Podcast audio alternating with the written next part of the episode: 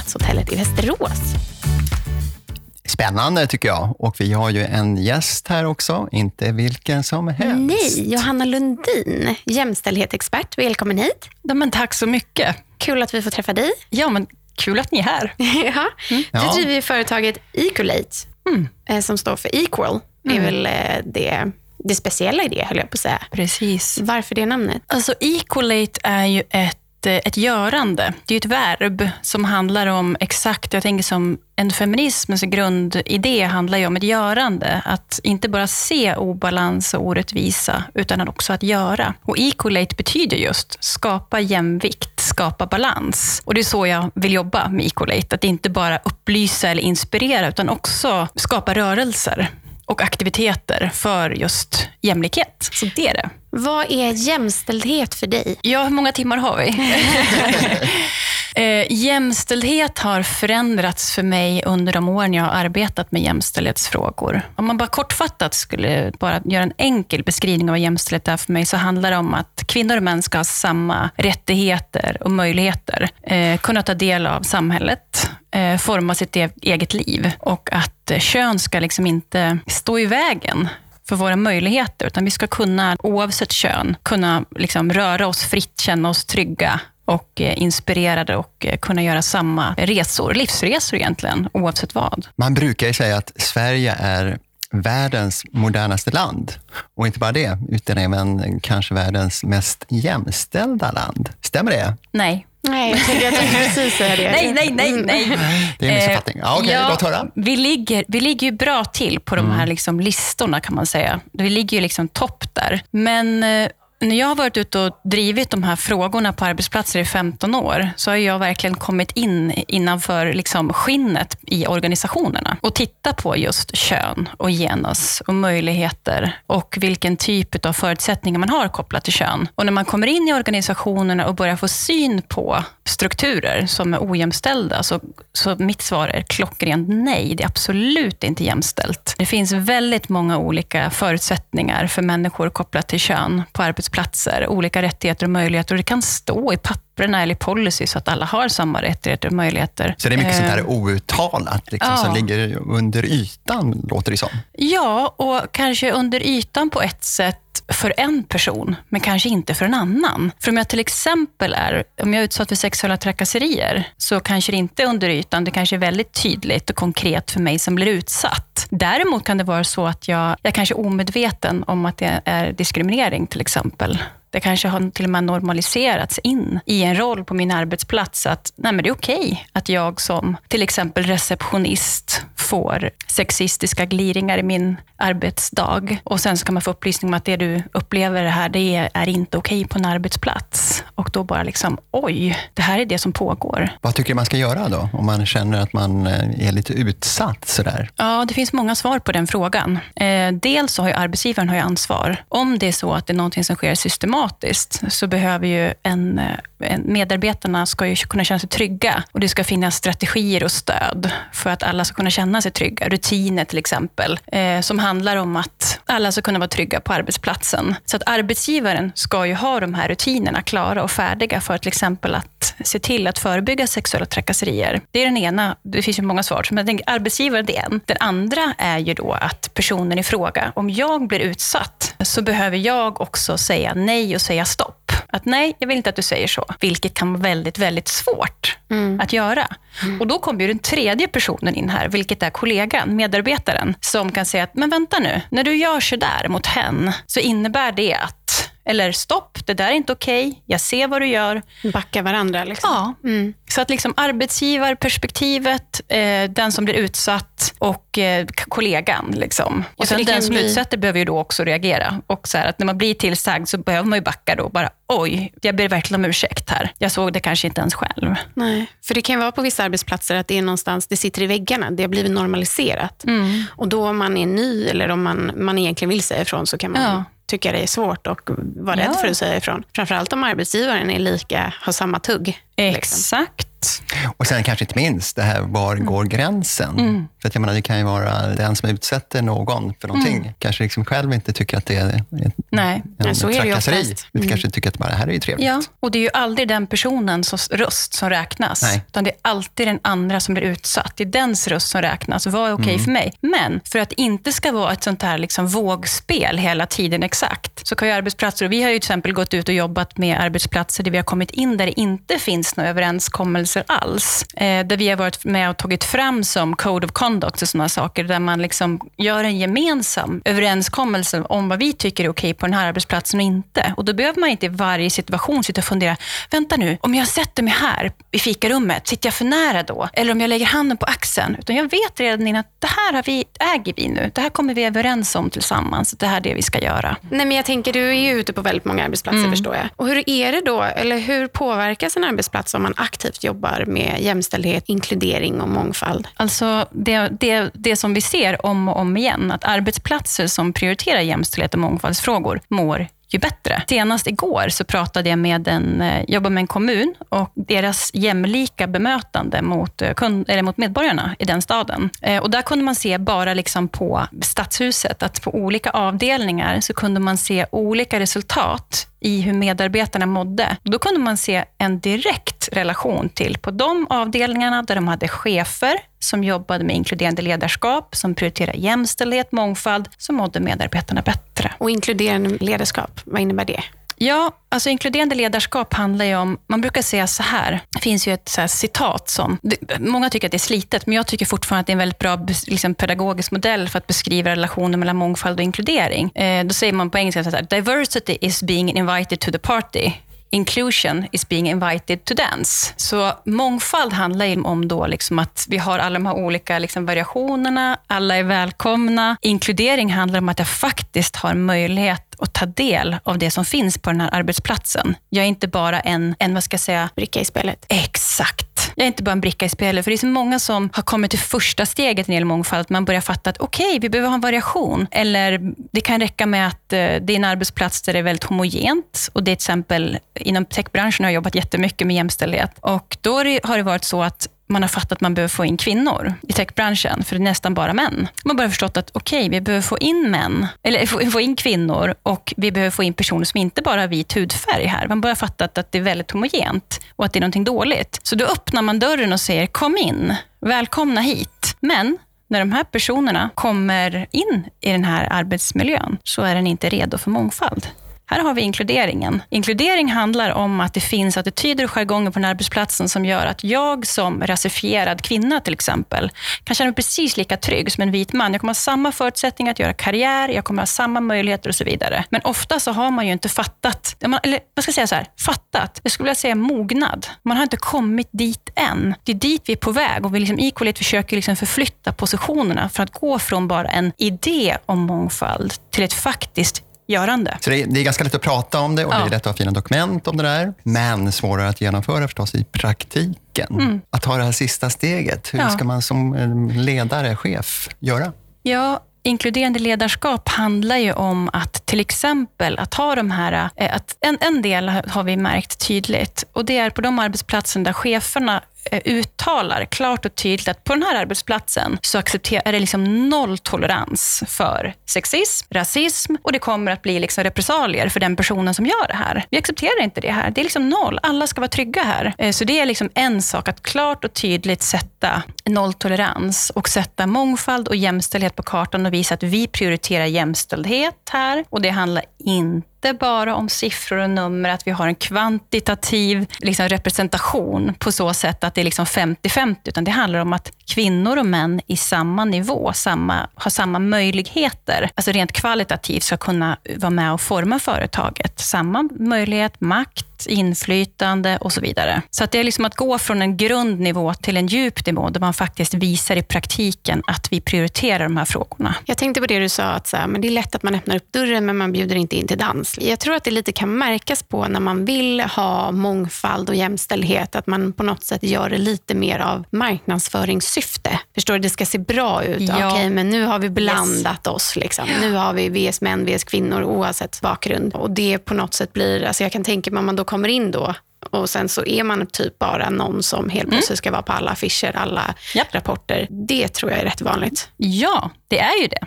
Och det ser vi om och om igen, att man blir ett alibi för mångfald. Ja, men vad bra, okej, nu är Ahmed här, men det är perfekt. Nu tar vi en gruppbild och så lägger vi ut den i våra sociala medier. Det är perfekt. Det är så genomskinligt. Det är så genomskinligt. Ahmed sitter där och bara, okej, nu har jag återigen blivit liksom ett, ett alibi för mångfald. Kan jag få vara här bara som, liksom, Kompetens.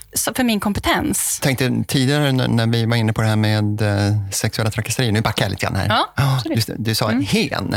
Mm. Det är, inte bara, det är inte alltid kvinnor som blir utsatta, utan även män kan bli utsatta. Och faktiskt har jag en egen erfarenhet av det. Mm. Det är ganska länge sedan nu i och för sig. Men det var en, en, var lite äldre än vad jag var. Men hon, hon kom ju ofta fram och tog mig på rumpan och tyckte liksom att det var okej. Det här var, kan man ju skoja om. Och då tänkte jag, hade, hade det varit en kvinna som hade blivit utsatt så hade det blivit en stor affär av det. Men här var det så att det var, liksom, det var helt okej. Mm. Och det, så kan det väl inte vara? Nej, det ska vara jämlikt åt båda håll. Ja, ja, precis. Ja. Så att det är ju liksom så här, alla ska ju ha rättigheten att vara trygga på sina arbetsplatser oavsett kön. Men om man tittar strukturellt så är det ju, alltså, om vi tittar på de sex jämställdhetspolitiska målen vi har i Sverige, så är det ett av målen handlar om att mäns våld mot kvinnor ska upphöra. Och anledningen att det är ett, ett mål där man liksom har lagt in vem som är förövaren och vem som är offret på något sätt i det. Mäns våld mot kvinnor ska upphöra. Under det så finns ju också kroppslig integritet och så vidare. Det finns eh, mindre beskrivningar under. Och anledningen till att det finns där är ju för att det finns ett strukturellt problem med mäns våld mot kvinnor. Och när man tittar på statistik så ser man ju att 97 procent av alla sexuellt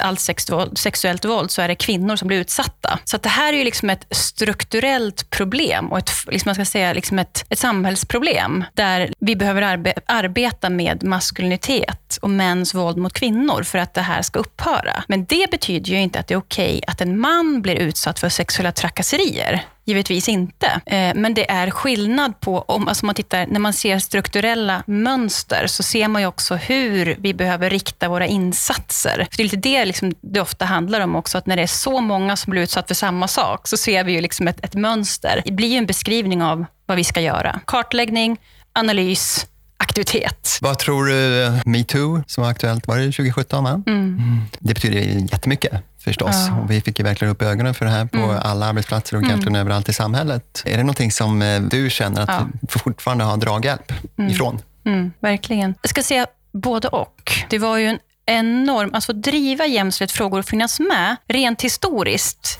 den tidpunkten i världen av metoo. Alltså jag får ståpäls när jag tänker på det. Att få vara en del av en revolution där kvinnor ställer sig upp och säger nej, sonika från hela världen. Det är så stort och det betydde massor för oss i vårt arbete. För det betydde att, att det sattes på kartan. Det kom frågor från andra håll där man började inse att, men vänta nu, tänk om det här finns på vår arbetsplats också? Ja, det gör det förmodligen. Och att det är liksom en helt annan typ av medvetande om eh, sexuellt våld. Sen däremot så var det ju liksom, alla pratade om den här backlashen, att det liksom blev utskrattat efter en tid. Liksom att det inte riktigt kunde samlas upp på det sättet som, som det kanske borde. Sen ska jag väl säga att nästa tur igen var ju då samtyckeslagstiftningen. Som, Amen, säger jag. Ja. Mm. Så att, och den har ju också visat eh, nu, jag tror det kom ut någonting igår, Ja. någonting liknande, att den har gett resultat. Så positiva resultat för, för den som blir utsatt. Så det, det, liksom, det går ju, så här funkar det ju hela tiden, tänker jag, med samhällsutveckling. Att det går upp och sen så går det ner och sen så är det liksom olika eh, svängar som... Vi har ett exempel inom vår egen bransch. Vi har ju eh, sko- skogsmästare, jägmästare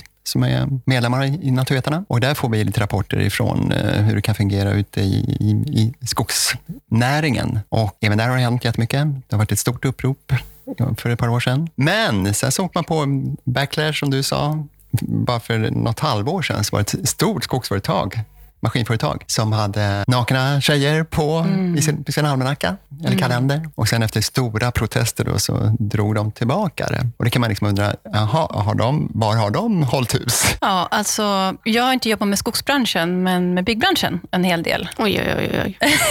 Vet exakt. Kanske ännu, kanske ännu värre. Oj, oj, oj, Oj, oj, oj. Ja, jo men alltså verkligen. Alltså, jag tänker att när man, det blir, har liksom blivit väldigt tydligt och det här med porrkalendrar och, och såna här saker. Att, vi, vi kan ta ett exempel vad, vad det skulle kunna innebära att, att ha den här porrkalendern. Dels så handlar det om vilken kvinnosyn vi har och objektifiering av kvinnor och, och sexualisering av kvinnor och alla sådana saker. Och och eh, jag tänker på för de personer som jobbar där. Då kan det också vara så att personer kan säga, man kan säga så här, att men det här har vi alltid haft, eller det här är ju schysst, eller det här är, liksom, det här är jättebra, det här, det här gillar vi. Liksom. Men det kanske inte riktigt, det vet vi ju inte heller. Alltså jag tänker på, ofta så finns det ju så här, eh, från porrkalendern till attityd eller jargong, eller machokultur, eller vad vi vill, så kan man ju tycka att vi har vissa överenskommelser om vi ska ha det här på den här arbetsplatsen, men som inte alls är liksom egentligen överenskomna på ett bra och schysst sätt, utan förmodligen så är det personer som har mest makt i det arbetslaget, eller den som har liksom satt den här eh, på något sätt överenskommelsen för sig själv, eller som att det här är någonting som är schysst eller någonting som är bra. Så här förhåller jag mig. Det här tycker jag om att sätta upp de här bilderna på väggarna, eller att snacka med varandra på det här sättet, eller ha den här typen av... Och det är inte alls säkert att det är, eh, det är liksom inte godkänt. Liksom. Jag tänker då man kommer in med de här Code of Conducts, då gör man ju processer där man jobbar tillsammans allihopa. Och sen ofta så har ju liksom arbetsplatser, dels så går man ju under liksom arbetsmiljölag, man går under diskrimineringslag,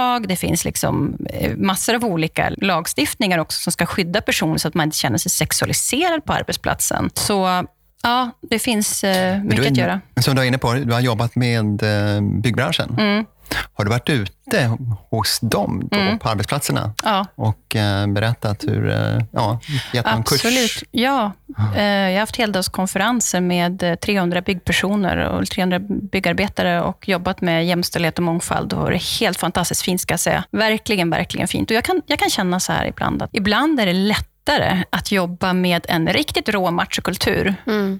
än att jobba eh, med en myndighet en statlig myndighet som har mycket mycket mer finlir och det är en helt annan typ av nyansskillnader som där man behöver liksom, vi är som detektiver när vi går in. Alltså vi söker ju om obalans och försöker skapa rättvisa på något sätt och att arbetsplatserna dels kollar till lagstiftning med att folk ska må bra där. Nej, men jag har ju väldigt många vänner som jobbar inom byggbranschen och de beskriver det tugget som är. Och egentligen är det på något sätt som att de sätter på sig någon form av machokappa. För de vet ju att i närheten av mig skulle de aldrig kunna prata så. Eller, och jag brukar säga det, okay, men när ni sitter där och pratar och objektifierar kvinnor på det sättet ni gör. Tänk dig då att du stoppar in din dotter där. Hur skulle det kännas då?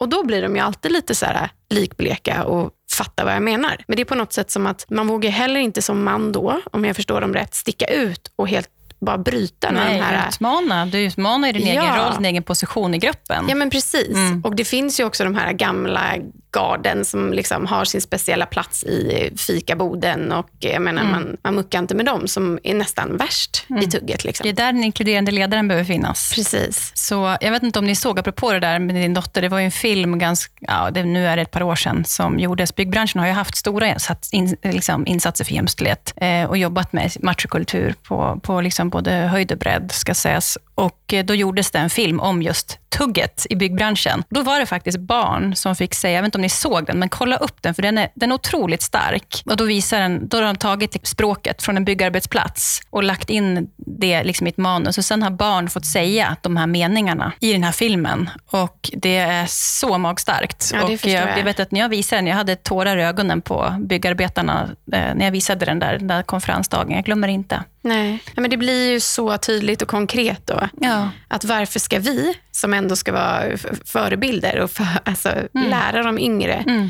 varför ska vi prata så när vi mår dåligt av att se den yngre generationen prata så. Och det här påverkar ju imagen av branschen. Ja. Det blir väl ännu svårare att locka dit eh, kvinnor. kvinnor. kan man mm. tänka sig. Mm. Så att det här gäller ju verkligen att de här um, byggbranschen, skogsbranschen är ja. också Ja, det är många där. branscher. Mm, ja, och sen så tänker jag lite på det där du pratar om, det här finliret, alltså ja. myndigheter. Att så här, mm. ja, det kanske inte är lika extremt, men värderingarna och tugget kan ändå finnas där. Ja, och så jag tänker på, vi jobbar med härskartekniker en hel del Gud, och att uh, titta på, det kan vara, alltså nu har vi precis gjort en ganska stor kartläggning av en kommuns bemötande och eh, tittat på hur vi förhåller oss till varandra kopplat till kön och eh, vad vi kan liksom undersöka och se och titta på till exempel kropp hur förhåller vi oss till varandra? Alltså, med ett tränat öga, när man kommer in och tittar, så när vi kommer in så vi får vi syn på massor, eftersom att vi vet saker som många inte andra känner till eller vet. Vad, vad, vad ser ni då? Ja, men till exempel, det kan till exempel vara så här, vem tar initiativ i ett samtal? Vem tar initiativ? Vem avbryter? Vem vänder vi kroppen mot när man pratar? Hur ser ögonkontakten ut? Mm. Vem gör handslaget? Vem skämtas med? Alltså det finns massor av olika små subtila signaler och när man lägger ihop de här så blir det ett mönster vi får syn på någonting. Så det här kan liksom vara en, en situation som rent ut,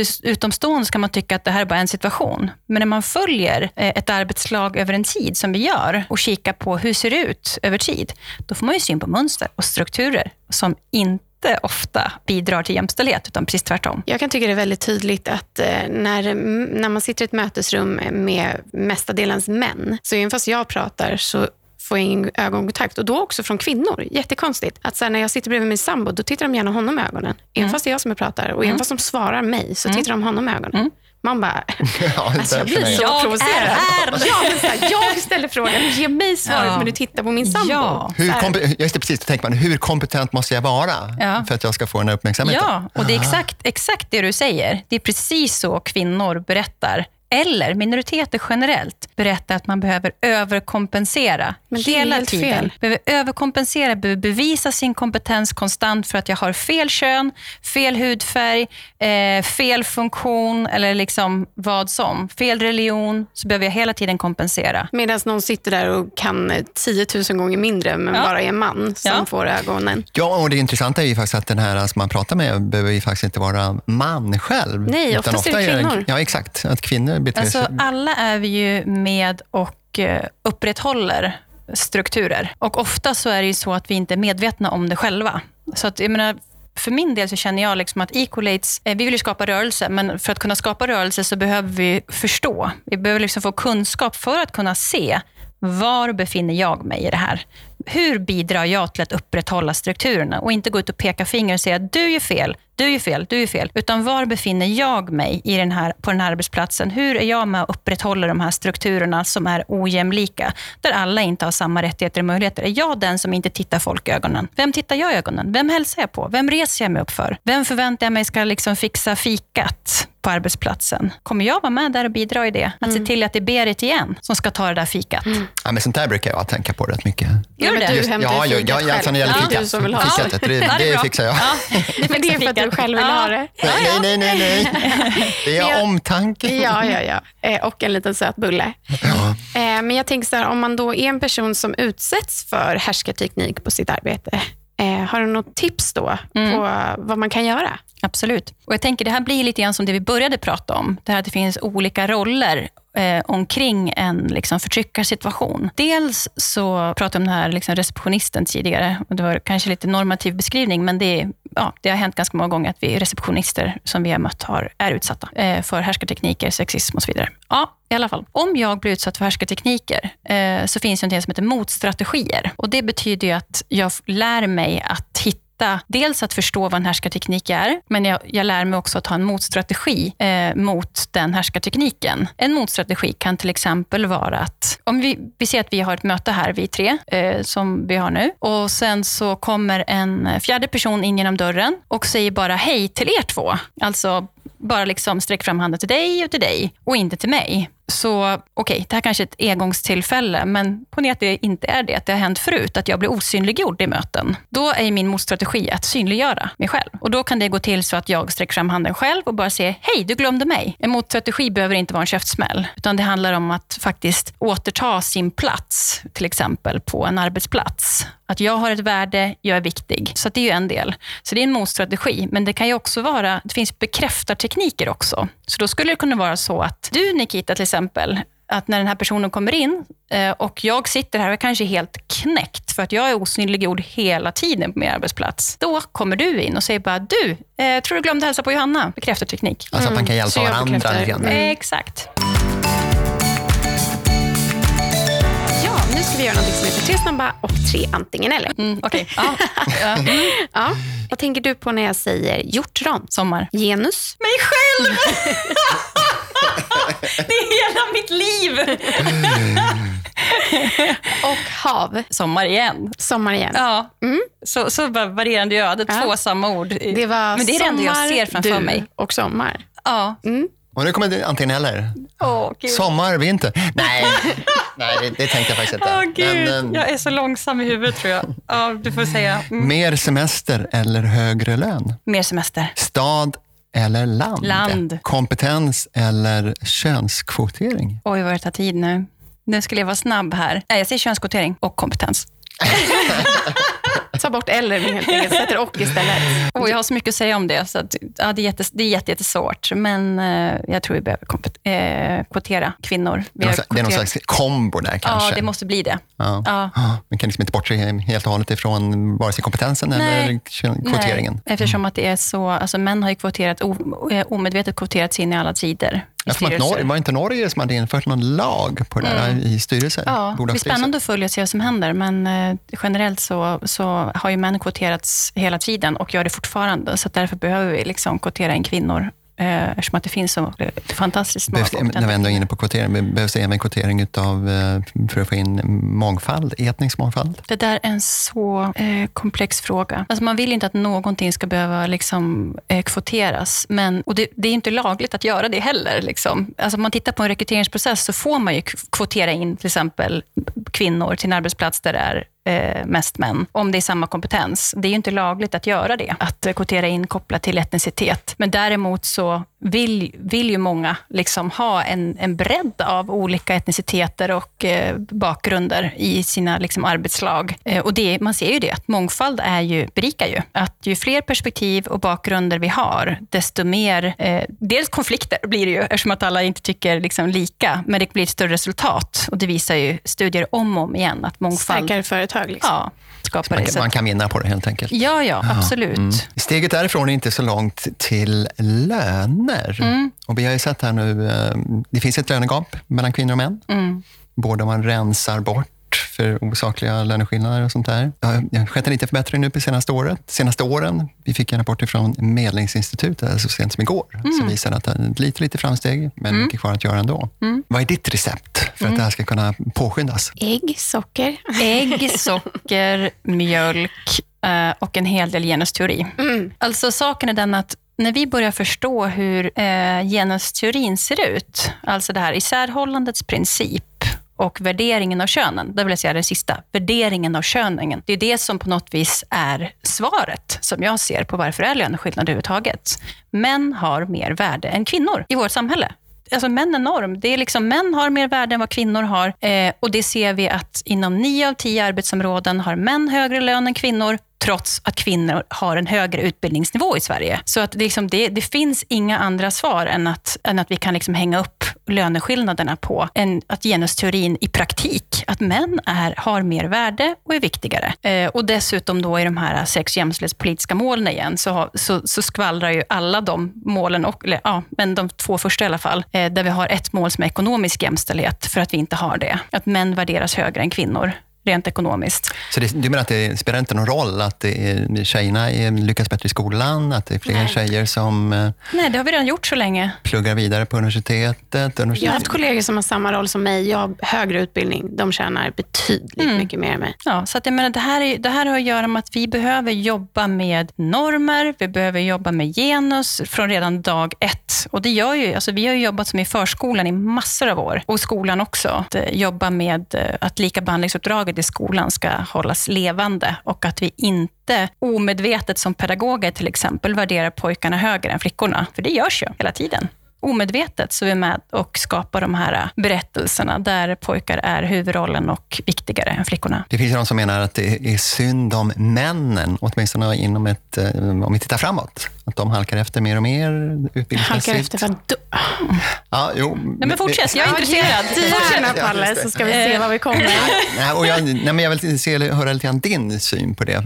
Finns det liksom anledning till den oron? Nej, Vart är det de halkar? De, de, eh, men ja, alltså så här, generellt, om vi tittar tillbaka i backspegeln så kan vi se att män har ju haft mer makt än kvinnor eh, sen tidernas historia liksom bakåt. Så män har haft mer makt och inflytande och värde än kvinnor så, så, så länge. Och nu finns en ängslighet hos män att kvinnor helt plötsligt ska få lika mycket värde. För det är det det handlar om, att kvinnor ska ha samma rättigheter och möjligheter helt plötsligt som män. Och då finns en ängslighet att hjälp, nu kommer männen inte ha några rättigheter eller möjligheter kvar längre. Snarare så handlar det om att helt plötsligt ska kvinnorna få samma rättigheter och möjligheter som män alltid har haft. Och då är det några som ropar stopp och hej, jag blir livrädd här nu. Och Eh, för att helt plötsligt kanske mitt makt, min makt och mitt privilegie kommer att utmanas. Det finns ju också en, ett, ett citat, som jag, nu ska jag se om jag minns det, men det är också det här, feminism is the notion of that women is human being as well. Alltså någonting i den stil med att det är liksom att det radikala idén med feminism handlar om att kvinnor också är människor. Så det blir mitt svar tillbaka till dig, att eh, det är så jag tänker, att helt plötsligt ska kvinnor också ha samma rättigheter och möjligheter eh, som män. Men jag menar, den här rädslan har ju funnits i urminnes tider. Alltså, jag menar det, vad ska man säga, indirekta våld, eller och våld som mm. kvinnor har utsatts för genom historien. Ja. Också att så här, vi öppnade upp universiteten mm, lite halvt 1925 för mm. kvinnor. Mm. Alltså det är som att det alltid har funnits en hotbild om att vi, så här, jag vet inte vad. Vi har fått Men, rösta i hundra år, tack. Ja, 1919 fick vi det, 1921 fick vi rösta första gången. Ja, precis. Ja, nej, men nu börjar kvinnorna komma upp. Nu blir vi oroliga här. Ja, nej, Sätt alla kvinnor på de nej, men jag tycker, då och då ja. får man ju höra rapporter om att eh, framförallt män kommer få det svårt på arbetsmarknaden. Ja. Känner du dig orolig? Nej, nej, inte jag personligen. Absolut nej. inte. Och inte några i min omgivning heller. Men däremot så, ja, man mm. tar ju del av ja, men debatten. Absolut. Men det här är, den rösten du för, eller som du säger nu, den är jättebra. Den behöver liksom diskuteras. För jag tror också så att om man ska titta på, snarare inte vad män har att förlora, utan vad män har att vinna på jämställdhet, så kan man titta till exempel på Arbetsmiljöverket, som hela tiden gör, tittar på könsnormer och tittar på eh, arbetsplatsolyckor och så vidare. Och där ser man ju att arbetsplatsolyckor, att män dör ju i mycket större, högre grad än kvinnor. Och vad beror då det på? Jo, då ser man att det i sin tur handlar om att det finns till exempel på byggarbetsplatser, har bevittnat detta med egna ögon, eh, så finns det machokultur som gör att män inte vill använda skyddsutrustning. Mm, vad bra. För att det behövs ju inte. Och Då in, blir det så att alltså, man ser alltså direkt relation mellan machokultur och död. Så att vad har män att vinna på jämställdhet? Ja, att leva till exempel. Ja, tänker så, jag. Ja, punkt. Nästan. Ehm, så att jag tycker att det, och det är så allvarligt, tänker jag, med jämställdhet. Och jag tänker också, om vi ska så bara koka ner det till något annat, så vi jobbar jättemycket med barn i förskolan, vi jobbar med eh, olika förening, föreningar och jämställt föreningsliv. Och det finns fortfarande en pojke som sitter på min näthinna och det är en pojke som han eh, gick på ridning. Han var den enda pojken i hela årskurs fem som gick på ridning. Hans tjejkompisar fick dyrt och heligt lova honom att aldrig berätta för sina klasskompisar att han gick på ridning. För om de fick reda på det så skulle de kalla honom för bögjävel och spola ner honom i toaletten på första bästa rast. För han var ju liksom en, en bög, en fjolla, vilket också skulle vara dåligt då. Det finns många led av liksom obehag i den här berättelsen. Men det jag vill säga då är att i en jämställd värld så kan alla, oavsett kön, välja till exempel vilken aktivitet jag vill. Jag ska inte behöva som 11-årig pojke gå runt och ha en ont i magen för att Tänk om mina killkompisar får reda på att jag går på ridning. Då blir jag utstött. Det är så tragiskt. För det är som på något sätt som att man hämmar sig själv på grund av sitt kön. Ja. Han kanske är jätteintresserad och det kanske finns eh, tjejer som är intresserade av mer mansdominerade sporter också, men mm. det är inte lika accepterat. Och jag menar, det var inte länge sedan i Sverige vi tvångssteriliserade kvinnor för att de eh, förblandades med män i sporten. Liksom. Ja.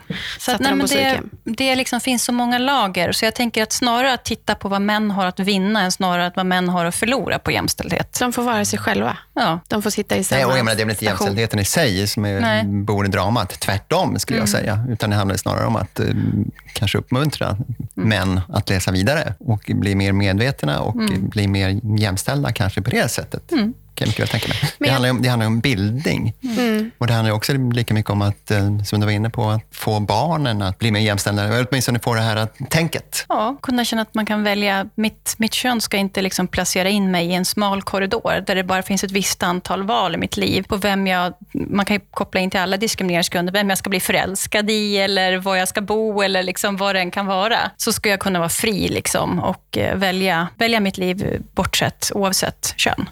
Ja, vi har ju pratat lite utan att uttala det direkt. Sådär. Vi har pratat väldigt mycket om normer här idag.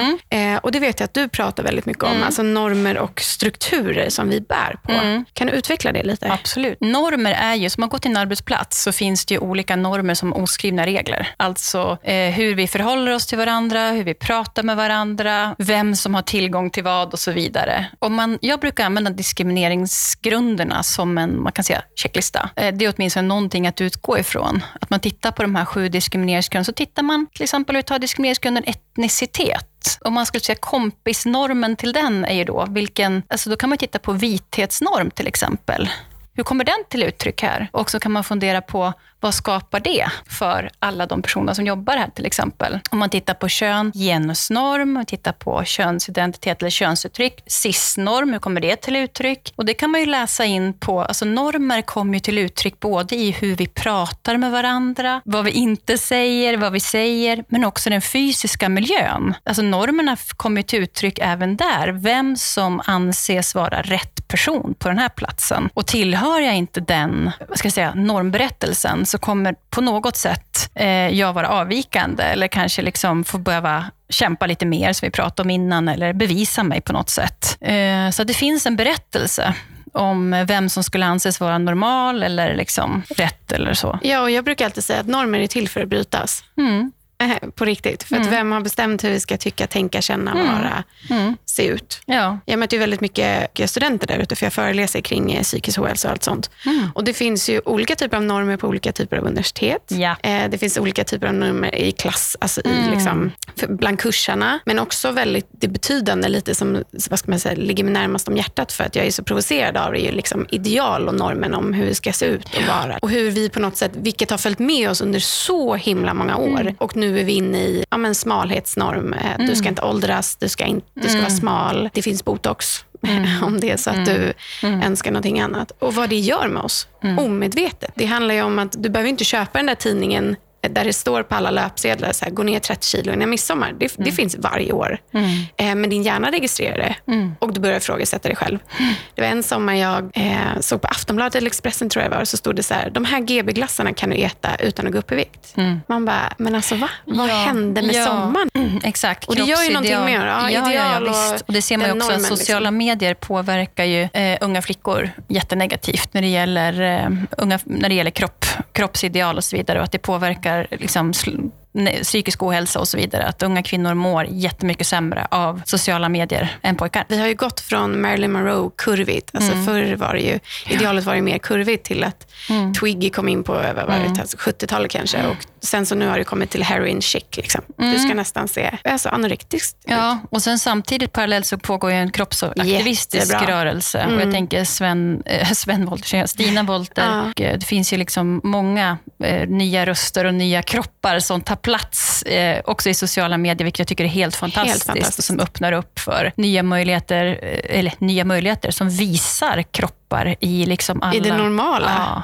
Mm. Så att jag tycker att det, det, det, liksom, det händer saker och jag upplever att generellt att det finns olika ja, men aktivistgrupper inom, jag skulle känna säga alla diskrimineringsgrunder så finns det liksom aktivistgrupper som, eh, som ropar nej och som ropar stopp och som vill bryta de här liksom, normerna och eh, smala strukturerna som bara tillåter vissa personer att ta plats. Hörru du, jag tänkte på, du sa ju eh, ganska tidigt här att Ja. du, eh, genusfrågan, den har ständigt varit aktuell för dig. Ja. Ända sedan barnsben. Hur, hur kommer det sig? Ja, alltså jag tror att för min del så liksom genus har ju varit som någonting som har följt med mig hela, hela mitt liv på olika sätt och har förändrats väldigt, väldigt mycket också över tid. Jag skulle vilja säga också att under de, den senaste tiden så har genus, alltså genus under, vad säger jag, för tio år sedan ungefär. Eh, Jag startade för 12 år sedan, startade Ecolate. För tio år sedan ungefär så var jag jättemycket ute och pratade genus på förskolor. Och på den tiden så var det nästan ingen som visste vad genus var. Det var ju liksom, det var som en icke-fråga. Det var några liksom så här 80-talsfeminister som var med så här, som bara, ja, äntligen pratar vi genus igen. Eh, men generellt så var det inte någon som visste någonting. Sen blev- fanns, ö- kom ett ökat medvetande om genus och sen kom hatet mot genus. Eh, tätt följt av hen-debatten som också var så här dramatisk och väldigt, väldigt liksom sådär. Eh, varenda grupp jag var ute i, vad tycker du om hen? Vad tycker du om hen? Vad tycker du om hen? Liksom. Och nu så har liksom genus på något sätt det har landat lite grann, skulle jag vilja säga, eh, i alla fall, kanske, jag vet inte, akademiskt vet jag inte riktigt. Det är fortfarande, genus är fortfarande ifrågasatt som, av vissa som, som liksom akademiskt genusflum och så vidare. Men om jag tänker utifrån gruppperspektiv, när jag är ute så mycket i grupperna som jag är, så tycker jag ändå att genus ändå har fått en mer naturlig plats i jämställdhetsarbetet än vad den haft tidigare. Så från liksom noll till eh, minus hundra till kanske 100 nu, plus. Men vågar man till och med säga att du jobbar lite grann i medvind?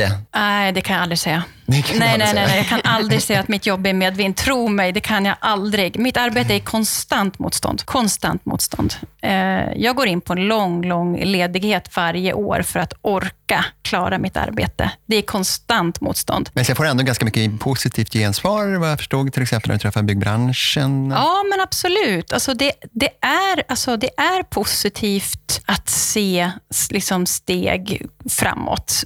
Men alltså man skulle säga så här, ett steg framåt, två steg bakåt, konstant. Och sen så är det ju alltså det är motstånd. Eh, ja, men vi som driver frågorna är också utsatta för eh, hat, hot. Alltså det är en del av vårt arbete för att ifrågasätta det som alltid varit. Inte poppis i alla läger. Hur kan det yttra sig? Ja, men jag kan väl ta, vet vad, jag kan ta exempel. Du pratade om metoo tidigare. Och under den svängen så hade jag, under några föreläsningar, så hade jag personer som satt aktivt och medvetet och hatade under föreläsningarna. Och som satt liksom bara så och hetsade. Liksom. Eh, och bara liksom, rent ut sagt jävlades eh, under föreläsningens gång. Är det vuxna människor det här? Ja. Åh oh, herregud, väx Så att det här pågår. och det har varit Twitterstormar under föreläsningar, där någon har liksom sagt att nu står den här jäveln i den här staden. Och, eh, sen så har liksom, och de vet inte ens vad jag pratar om, vilket sätt jag pratar om frågorna, utan jag går bara under en epitet, feminist, och då är jag eh, är lika med till exempel manshatare. De enda som hatar är ju dem. Ja, alltså det, det är ju en väldigt enkelspårig berättelse, liksom, som inte tittar uppåt, utan eller lyssnar faktiskt. Eh, så det är en del. Så att medvind, nej, Verkligen inte. Jag lovar att ja, det inte är medvind. Inte riktigt så. Nej, det är inte så. det är stentufft. Kanske både och. Eh, jag skulle säga medvind är fel ord, verkligen. Men däremot så ser jag framsteg. Långsamma små steg. Och jag är enormt, enormt tacksam för, till exempel man har haft en föreläsning, att det kommer fram personer efteråt som säger att det här betydde någonting. Och det händer ju att man liksom får liksom feedback som är liksom att folk är tacksamma att man är där och lyfter sånt som är viktigt. Och, så att, jag menar, men det är ett tufft jobb. Det är det. Ja, men det är ju hemskt att du ska utstå hat för att du eh, liksom belyser samhällets problem, eller mm. hur det är i samhället. Alltså det är som att säga så här, jag hatar alla kockar för de ger oss mat. Mm. Nej, men förstår ni vad jag menar? Mm. Det ska liksom vara så himla normalt att du, du ska mm. inte ens behöva ha det här jobbet. Mm. Alltså så. Men eh, det är ju sjukt att det, alltså det visar ju bara på de här strukturerna. Ja, och det finns rädsla. Ja. Känner de sig hotade på något sätt? Ja, det tror, jag. Du? Det är de du pratar ja. om. Kvinnorna mm. får för mycket makt. Gud, vad kommer mm. hända med mig? Ja. Men nu jävlar ska jag trycka ner den där kvinnan ganska... som står där och pratar om jämställdhet. Ja, mm. det är nog ganska sant faktiskt. Mm. Så ja, så, så det skulle jag verkligen vilja säga. Att Eh, det, det, är det minst smickrande och roliga med det här arbetet. Men sen är det ju, alltså det här jobbet är, för mig är det som ett livskall. Alltså hela mitt liv så har jag växt upp vi, i min familj där vi har jobbat med sociala orättvisor. Vi har haft flyktingar som har bott hemma hos mig och vi har haft missbrukare som har bott hemma hos mig. Och min pappa arbetade som präst och hade liksom konstant samtal om mänskliga rättigheter runt vardagsrumsbordet. Och det var debatt och det var diskussion. Och jag är uppväxt med det, men jag har valt det också eh, liksom i vuxen ålder, att det här vill jag driva. Det här är en rättvisefråga som känns viktig. Liksom. Om vi skulle säga så här, då, vad är bästa med ditt jobb? Det bästa med mitt jobb är att, att se förändring eller att se att en person eh, på något sätt förstår någonting under tiden man är där. Alltså att man på något sätt en polett ramlar ner. Att man till exempel eh, förklarar någonting, eller man beskriver någonting, eller man gör någonting som, eh, som gör att en person fattar någonting och som kan bidra i det stora hela till att skapa jämlikhet man förstår till exempel sitt vithetsprivilegie. Jag tänker nu Black Lives Matter-rörelsen som, som pågår just nu. Liksom, och att, att som vit person liksom börja fundera över sina privilegier. Eh, att bara gå genom stan utan att någon tittar på mig som att jag skulle vara kriminell eller som att jag på något vis skulle liksom göra någonting snart. Och, så att det absolut bästa med, eh, med mitt jobb är uppvaknanden, att folk vaknar. Men hörde, kan man inte se lite förändringar i språket? Jag tänker på det här uttrycket killgissa. Mm. Man skulle aldrig komma på att säga tjejgissa riktigt. Ja, för det är inte samma sak. Killgissa är ju ett faktum. Ja, ja, ja, ja, ja, ja, är det så? Ja, gud, ja. Gud, ibland önskar jag faktiskt, du som är man, privilegierad man, att du hoppar in i min lilla kropp en dag och bara är mig en dag då skulle du verkligen, då skulle du aldrig ställa den frågan. Alltså det är Nej. helt sjukt. Mm. Det är mm. helt sjukt. Mm. Alltså jag har män som sitter mitt emot mig och är experter på journalistik och kommunikation. Mm. De är typ säljare.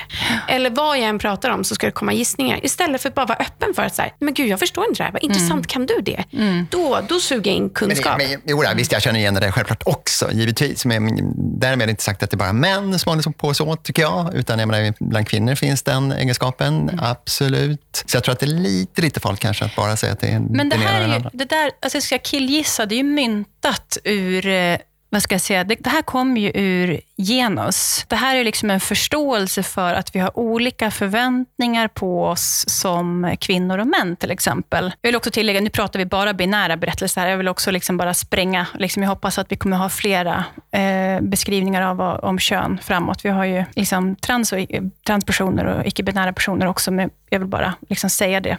Eh, men eh, när det gäller de här stereotypa könsrollerna så finns det olika förväntningar på till exempel män då, att de ska vara den personen som ska kunna, som ska veta, som ska fixa biffen, dra in cashen till familjen, allt det här. Vilket innebär att killgissningen skulle jag då inte ens gissa utan påstå som kvinna att det är myntat från en förväntan om vad mannen ska vara. Att du ska kunna det här och kan du inte det, då, då försöker man gissa sig till att man ska kunna. Så man ryms i den där liksom, mansnormen av att vara den kunniga och liksom, som ror hem det här. Och det här är ju synat nu. Alltså att vi, liksom, vi har synat den här bluffen, att det är ju inte sant. Och eh, de här liksom, mansnormerna är ju liksom, och alla normer som finns kopplat till kön, är ju liksom bara begränsande. Vi ska inte behöva sitta en, en man ska inte heller behöva sitta där och gissa och försöka vara något han inte är. Man ska kunna säga mm. liksom att, du, det där förstår inte jag. Ja, just det, precis. Det kan ju vara jobbigt för mannen också. Ja, men, ja, ja det är klart det. Du trycks in i någon form av norm mm. eller någonting.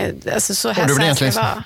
Mm. Och det är väl kanske en styrka att uh, medge att nej, men det här kan faktiskt inte jag. Nej, men exakt, ja. och det är den typen av egenskaper som genus handlar också om. att Ett genusarbete handlar om att tillåta alla känslor. Ja, till exempel. Det alla mm. uttryck. Tår, äh, tårar. Alltså vilka, vilka uttryck, känslouttryck är godkända för en man till exempel? Ilska är helt godkänt. Absolut. Är ilska godkänt för en kvinna? Nej. Nej, då är hon hysterisk. En man som gråter, känslig. Oj, oj, oj, det här var inte bra. En kvinna, ja men det är typiskt kvinnor. Så jag menar, vi, vi, liksom, vi kan ju synliggöra våra känslouttryck väldigt, väldigt tydligt kopplat till de här liksom, kö, könsrollerna. Och jag tror om man börjar jobba med den, alltså bryter i den normen, just att så här, jag pratade med min sambo om det, så här, men jag lärde mig liksom inte inte att jag fick ta hand om mina känslor. Nej. Alltså vad är gråta? Utan han hade alltid ilskan nära till mm. även fast han kanske var ledsen. Ja. Men jag tror så att om man börjar jobba med den typen mm. av boxen där vi har tryckt in ja. pojkar redan och fortsätter göra, tyvärr, då kanske killgissningen kan vara då att den slutar. Mm. Alltså genom att säga så här, nej men vet du vad, jag känner jag kan inte den här frågan.